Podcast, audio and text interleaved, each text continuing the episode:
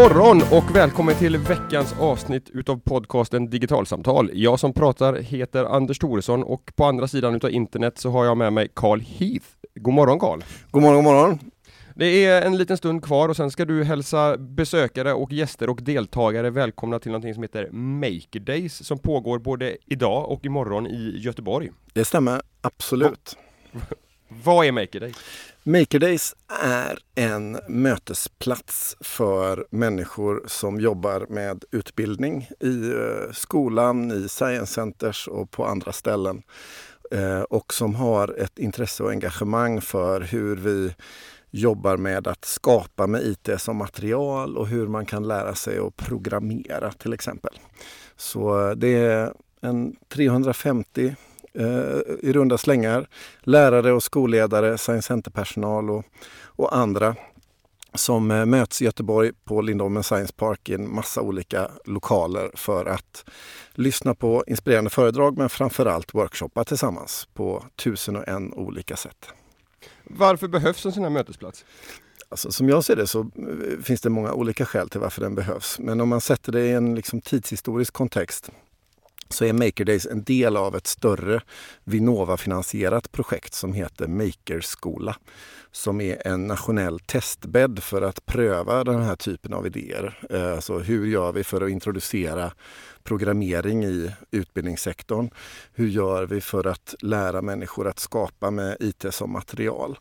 Och mycket av det arbetet är ju helt nytt och har inte gjorts tidigare i Sverige i någon högre omfattning. Och, och i detta nu så håller ju eh, regeringen på och funderar på hur man ska förändra kurs och läroplaner i Sverige för att just introducera programmering och eh, att skapa med IT i både grundskola och gymnasium. Och det någonstans innebär ju att vi står inför en omställning och där eh, väldigt många lärare eh, på kort tid behöver kunna den här typen av saker. Så det här Maker Days är en, en mötesplats i det här projektet som handlar om att just liksom innovera och pröva och testa nya sätt att jobba med nya material och sammanhang som vi inte tidigare har ägnat oss åt i, i skolan. Men, men, men, finns det någon formell koppling mellan det uppdraget som regeringen har gett till Skolverket att titta på just det som du pratar om, att hur, hur programmering ska kunna bli en del av svensk grundskola och, och Maker Days, eller är det liksom bara två separata spår i en, i en pågående utveckling?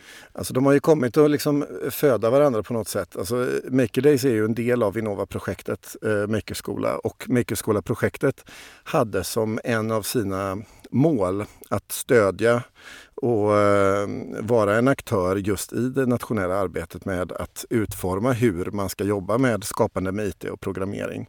Eh, sen så eh, i takt med att projektet förverkligas så kom de här dokumenten eh, på plats. Så det är parallella spår men som verkligen har kommit att liksom hamna väldigt rätt i tiden i relation till varandra. Eh, en, en sån här väldigt konkret fråga som, som jag får med en gång här, jag, jag har själv ett intresse utav att, att lära barn programmera, jag har föreläst om det jag också, och jag har egna barn som jag försöker få in, eh, liksom introducera för de här liksom, teknikens möjligheter. Och, och det innebär att jag håller också på att testa en massa olika material. Och vi har pratat om det tidigare och eh, alltså det, det finns redan väldigt mycket att välja på, det, det kommer hela tiden mer. Jag beställde nya prylar på Kickstarter så sent som i, i förra veckan. Och hur, hur, gör man för att hitta material som fungerar, som inte bara är roliga, utan som fungerar pedagogiskt, som är tillgängliga, så att man inte behöver ha för stora förkunskaper som kanske pedagog, och som inte är för svåra. Alltså det finns otroligt många olika aspekter på de här materialen som man behöver. Hur, hur gör man som, som pedagog eller som science center-personal för att hitta det som fungerar, som är, och som är liksom rimligt att, att investera i? Just den frågan är ju en av de frågorna som är primära i Makerskola-projektet. För det är en av de stora e, en, en av flera utmaningar. Eh, men i din fråga så ser jag flera liksom delfrågor och som man kan bena i var och en för sig. Eh, så det finns till exempel en fråga om eh, hur köper man saker? Alltså hur upphandlar man teknik? Hur köper man en mojäng som inte finns i våra system?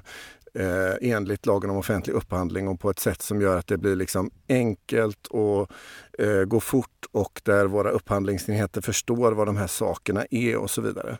En slags eh, byråkratisk aspekt på det hela? Ja, det finns en byråkratisk aspekt och den ska man verkligen inte underskatta. Alltså om jag, om jag vill köpa eh, koppartejp till min eh, Bear Conductive Touchboard. Och så talar jag om att jag vill ha de grejerna för min upphandlingsenhet i en lagom stor svensk kommun. Så kommer det liksom inte vara självklart var de går vidare och hittar detta och hur man tolkar vad detta är. Och det blir en ganska omständig och stor process som för många innebär ganska mycket ångest. Eh, och för, Men som innebär också då att det blir en ganska trög process. Det blir absolut att, en trög process. Och, jag som pedagog vill ha det här verktyget men det tar jättelång tid för, för mina inköpare att se till att jag faktiskt har det i klassrummet. Ja, och, och där är det också så att en lärare normalt sett är ju van att köpa läromedel själv, ofta, mm. i en svensk skola. En lärare vet vilken bok de vill ha och så köper de den och så vidare. Men i takt med att skolan digitaliseras så eh, uppstår nya typer av inköpsmönster och makten över vilket pryl man ska ha för att utföra sin undervisning den fragmenteras och distribueras på nya och andra aktörer som gör att det uppstår trögheter. Så det är liksom ett litet, litet problem bland många. Sen om man, som en annan, ett annan utmaning i din fråga, den handlar ju om eh, hur man prövar det nya. Alltså mm. eh, väldigt många av de här materialen och verktygen för att lära barn att programmera och att skapa med IT, de har bara funnits i ett halvår eller ett år eller ett och ett halvt.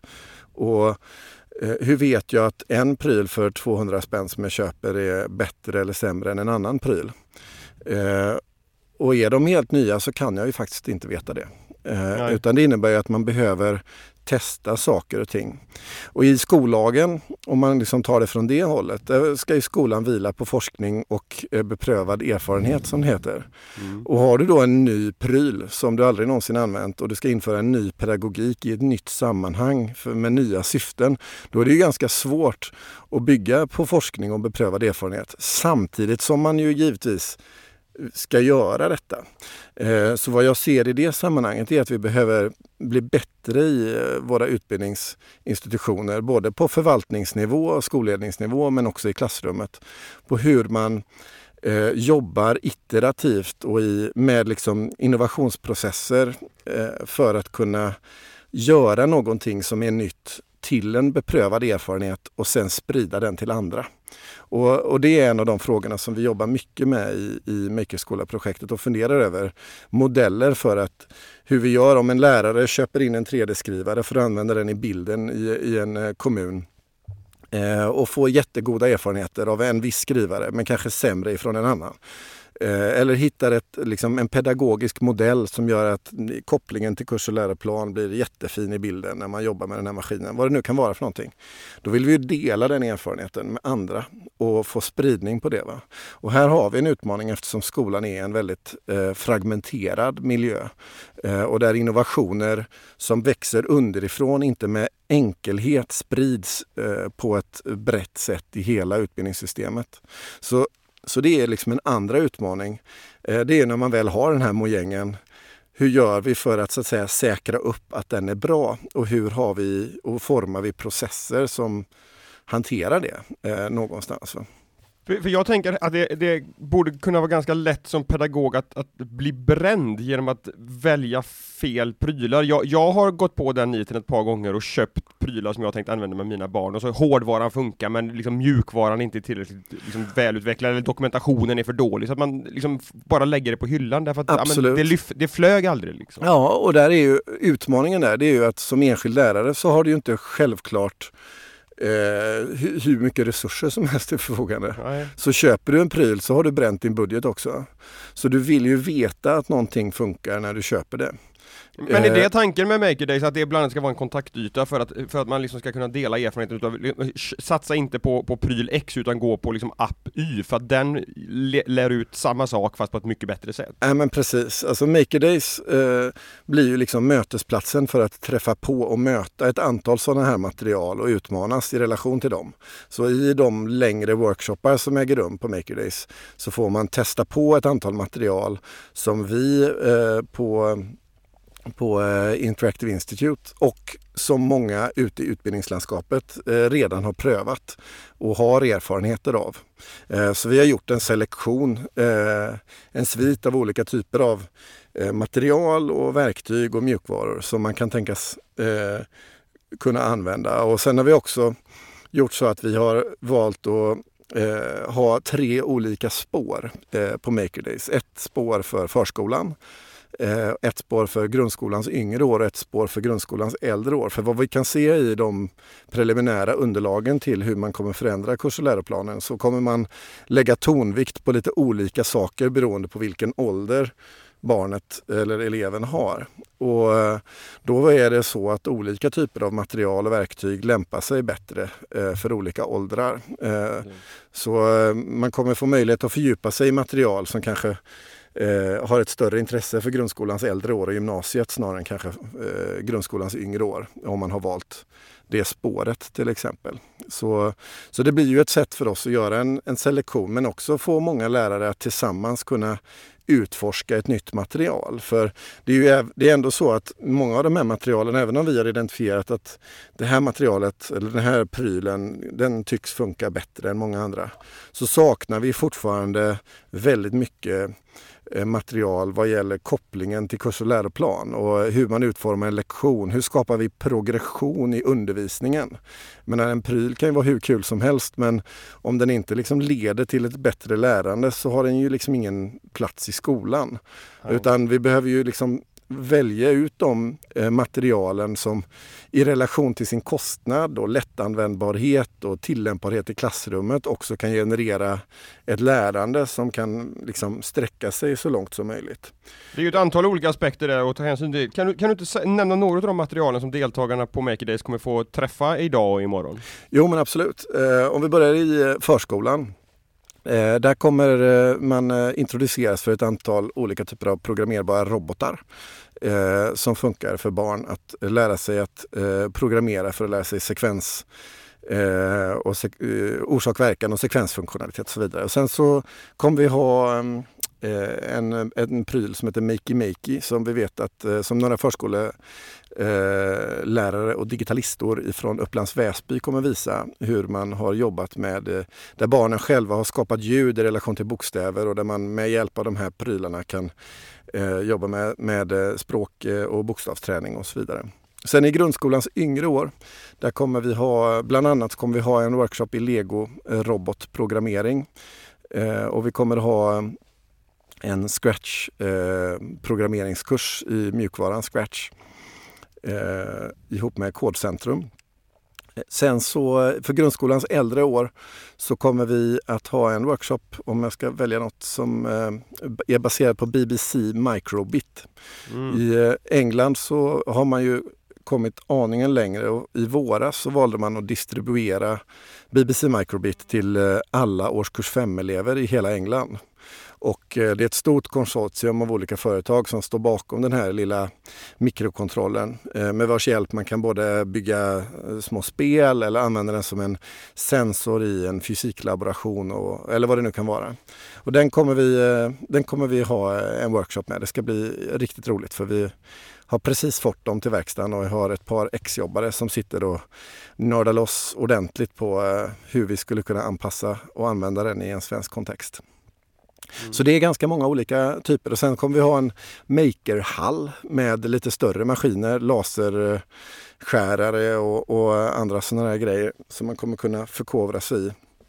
Och sen kommer vi ha workshoppar som är mer innovationsorienterade och som inte nödvändigtvis utgår från ett särskilt material eller så, men som handlar om just de här frågorna jag var inne på innan. Alltså hur gör vi när vi har någonting nytt i skolan för att pröva ut det och vara säkra på att det här är rätt sak vi jobbar med och inte. Och att hur, man, hur man eh, iterativt jobbar för att pröva det nya och eh, skapa beprövad erfarenhet helt enkelt. Mm. Det, det, som slår mig när jag hör dig berätta om de här materialen som, som ni ska använda idag imorgon, det är ju att om, om man backar, alltså diskussionen om programmering i skolan, den är ju inte helt ny, den har ju funnits med under ganska lång tid. Absolut. Men om man, om, Ja, jag hade ju själv eh, kompisdatorn på 80-talet. Ja men precis. Men om man backar ett antal år så, så handlade den diskussionen väldigt mycket om eleverna skulle få lära sig C eller Pascal, eller ja. Basic, äh, Pascal kanske aldrig var, men, men, men, men C eller Basic, liksom vilket programmeringsspråk som var det som eleverna skulle få lära sig. Den diskussionen känns som att den har liksom försvunnit till förmån för liksom någonting annat. Ja, alltså någonstans vad som har hänt eh, över tid, det är ju att Eh, tekniken har ju blivit mer och mer tillgänglig för fler och fler personer. Men mm. det faktum att en tvååring kan använda en iPad idag, det handlar inte om att alla tvååringar har blivit genier på IT. Utan om att de helt enkelt har en mojäng i handen som de kan peka och fippla med. Och likadant är det med teknik eh, för att lära sig att programmera och att skapa. Och väldigt mycket så så är det ju eh, på det viset att väldigt många av de här kodspråken de eh, tillhör ju familjer som i sin tur liksom, eh, är sett, eh, eh, väldigt likartade vad gäller liksom sin uppläggning eller sin uppställning och sitt sätt att tänka och resonera. Eh, man kan, liksom, har man förstått koncept kring liksom, loopar eller if-satser, ja, if-satser mm. och så vidare, då, då har man kommit ganska långt. Och när det kommer till när det kommer till grundskolans yngre år som vi pratar om i det här fallet, ja, då handlar det mer om de här generella begreppen och hur man hanterar dem och, och där man kanske då jobbar med den här typen av grafiska programspråk som har uppstått eh, över senare tid, som till exempel Scratch eh, eller andra, där du då inte programmerar med eh, eh vanliga eh, tecken utan du har liksom klossar som du staplar på varandra för att forma eh, din kod. Och lägga ihop som små pusselbitar med varandra. Eh, och om man tar en sån sak som BBC Microbit och vad som jag tycker gör den intressant, det är att den plattformen gör det möjligt att först börja jobba med block och eh, att bygga ihop dem som små, liksom sin kod som små legobitar. Men att gradvis övergå till att se samma innehåll som ren kod eh, i olika programspråk. Eh, och och, så programspråksfrågan finns ju kvar, men den kanske inte är i det första rummet. Men ju högre upp i utbildningssystemet du kommer, desto mer relevans får den. Alltså, den blir mer aktuell och viktig till exempel när du kommer upp i, om du skulle läsa teknisk eh, linje på, eh, tekniskt program på, på gymnasiet eh, med inriktning på programmering, ja då kommer du absolut möta olika programspråk. Så, så eh, och, och, där det får ett större tonvikt. Så jag skulle hålla med dig i det, att det har liksom förändrats. Tonläget har förändrats från vad man anser är viktigt. Men men eh, eh, programspråken finns ju ändå där någonstans i grunden. Men, men, men handlar det inte också om en, en delvis ny syn på varför den här typen av undervisning ska in i skolan överhuvudtaget. För, ett, för, för liksom 5-10 år sedan, då var det fortfarande ganska stort arbetsmarknadsfokus. Det handlade om att det skulle utbildas programmerare som kunde ta jobb på Ericsson. Medan man idag väldigt mycket argumenterar utifrån, som vi har gjort i podden också, att, att det handlar om ett, liksom att, att utbilda liksom goda demokratiska medborgare som förstår teknikens konsekvenser. Jo, uh, och alltså, att därmed är det inte så himla viktigt vilket programspråk du använder, utan det handlar mer om att lära sig det här som brukar kallas för datalogiskt tänkande kanske, och liksom, i, liksom generellt, vad är en algoritm? Hur fungerar en dator? Alltså jag skulle säga att det är både och, va? Eh, men det beror på liksom var i utbildningssystemet vi, vi pratar. Ja, men absolut. Eh, pratar vi liksom grundskolans yngre år, Ehm, och då är det ju helt riktigt på det sättet att då handlar det ju liksom primärt om att ha förståelse för liksom vad innebär programmering? Vad innebär Eh, eh, hur vi ger en dator instruktioner och hur, påverkar, hur kan vi påverka det en dator gör till ett utfall som vi själva är intresserade och engagerade i och så vidare. Hur gör vi för att förstå andra datorsystem? Hur gör vi för att förstå hur världen hänger samman digitalt med hjälp av programkod. Precis det du är inne på kring liksom samhällsfrågeställningarna. Ehm, men sen eh, högre upp i systemet, om du menar skulle du välja att läsa med en inriktning mot programmering eller så vidare, då kommer ju de här mera eh, yrkesorienterade färdigheterna att komma i det främre rummet ju längre eh, ju längre man kommer. Va? Men sen finns det också ytterligare argument. Eh, om man tittar på liksom hur den nya kurs och läroplansförslaget eh, eh är uttryckt. Och det handlar ju till exempel om att ha förståelse för hur du använder digitala material i andra typer av eh, utvecklingsprocesser. Som hur använder jag digitala mätinstrument i biologin eller i fysiken? Och där jag kanske behöver kunna liksom förhålla mig till dem på ett lite mer kvalificerat och avancerat sätt än vad jag gör med annan typ av laborations eller experimentell utrustning till exempel.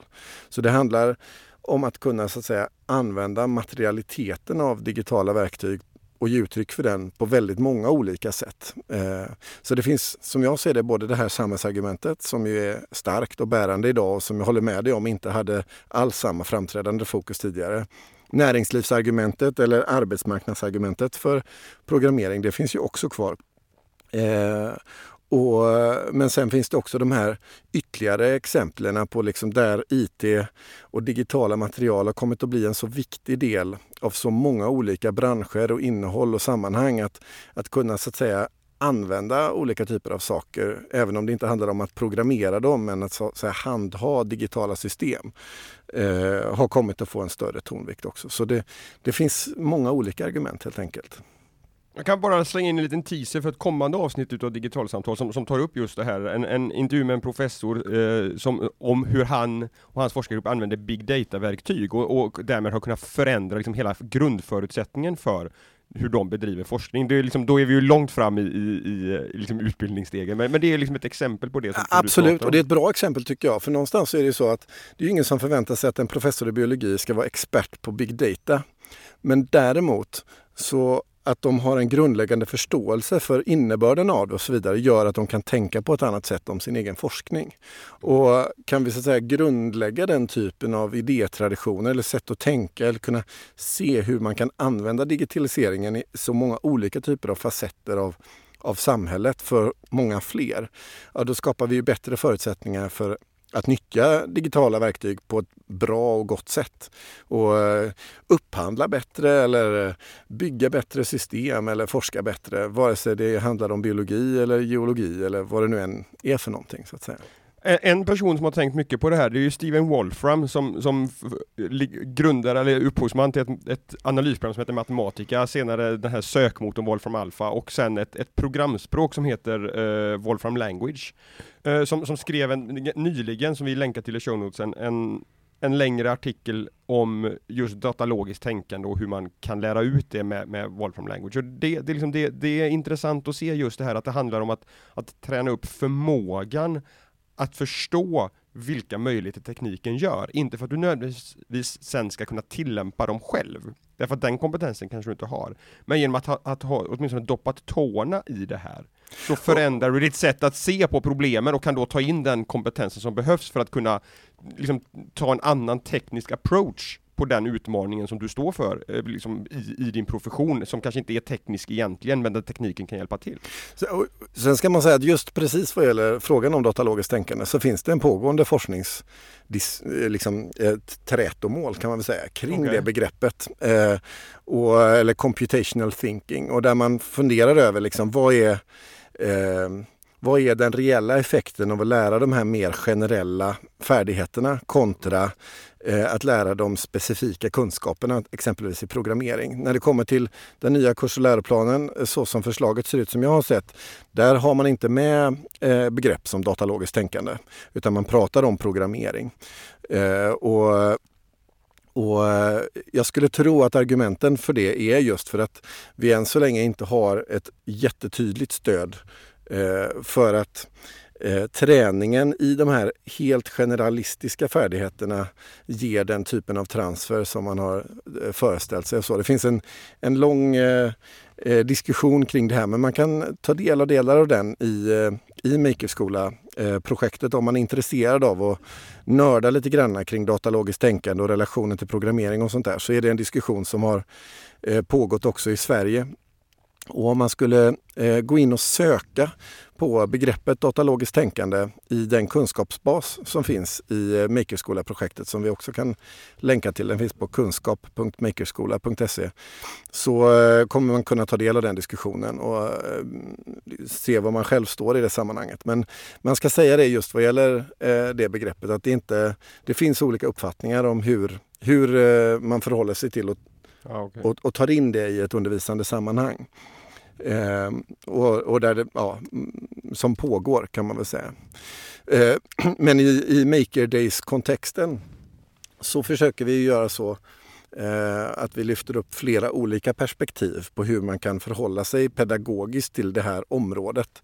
Eh, så vi kommer ha Eh, på, eh, idag så kommer vi eh, alldeles strax höra Jonas Linderoth prata om pedagogik och skapande utifrån hans perspektiv och synsätt och sen senare under Vem, vem är han? Jonas Linderoth han är professor i pedagogik vid Göteborgs universitet och har jobbat eh, och tänkt en hel del kring eh, just eh, skapande och kopplingen till eh, pedagogik. Och eh, om det kommer han eh, prata en del här på morgonen. Och sen imorgon så kommer vi lyssna till Linda Manila som har jobbat mycket med att tänka kring införandet av programmering och så vidare i den finska skolan som ligger lite före oss i tid i det här området. Och hon kommer ge exempel från hur det har gått i Finland och vad det är som händer där.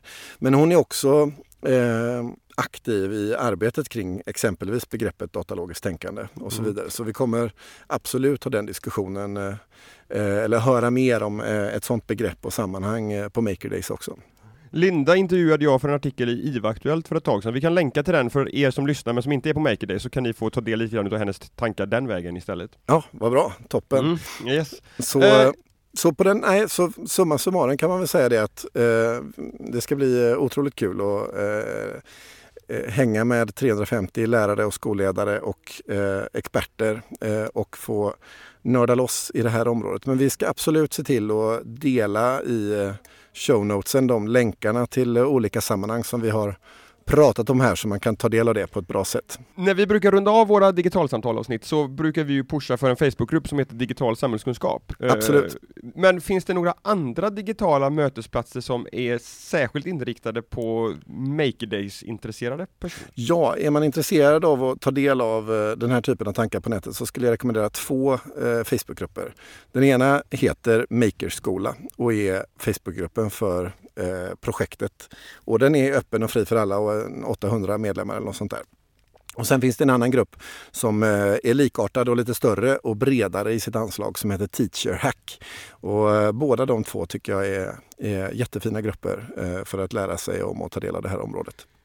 Då nöjer vi oss där och rundar av eh, och hoppas att ni får två trevliga dagar idag och imorgon på Make Days i Göteborg. Eh, vi tackar er som har lyssnat för att ni la en eh, knapp halvtimme på att höra mig och Karl prata om detta. Vi finns som vanligt just i digital samhällskunskapsgruppen som heter Digital samhällskunskap. Nu tappar jag namnet. Digital samhällskunskap heter den va? Absolut. Nej. Jo, det heter den. Ja. Eh, och eh, vill man nå oss så, så går det också bra att göra det på ett digitalsamtal på Twitter. På Facebook har vi en Facebook-sida som är facebook.com digitalsamtal. Och en e-postadress har vi givetvis också, podcast digitalsamtal.se och på www.digitalsamtal.se hittar man alla de snart 50 avsnitten publicerade under det senaste året. Med det så tackar jag Karl för idag och önskar er en trevlig onsdag. Ha det gott! Hej då!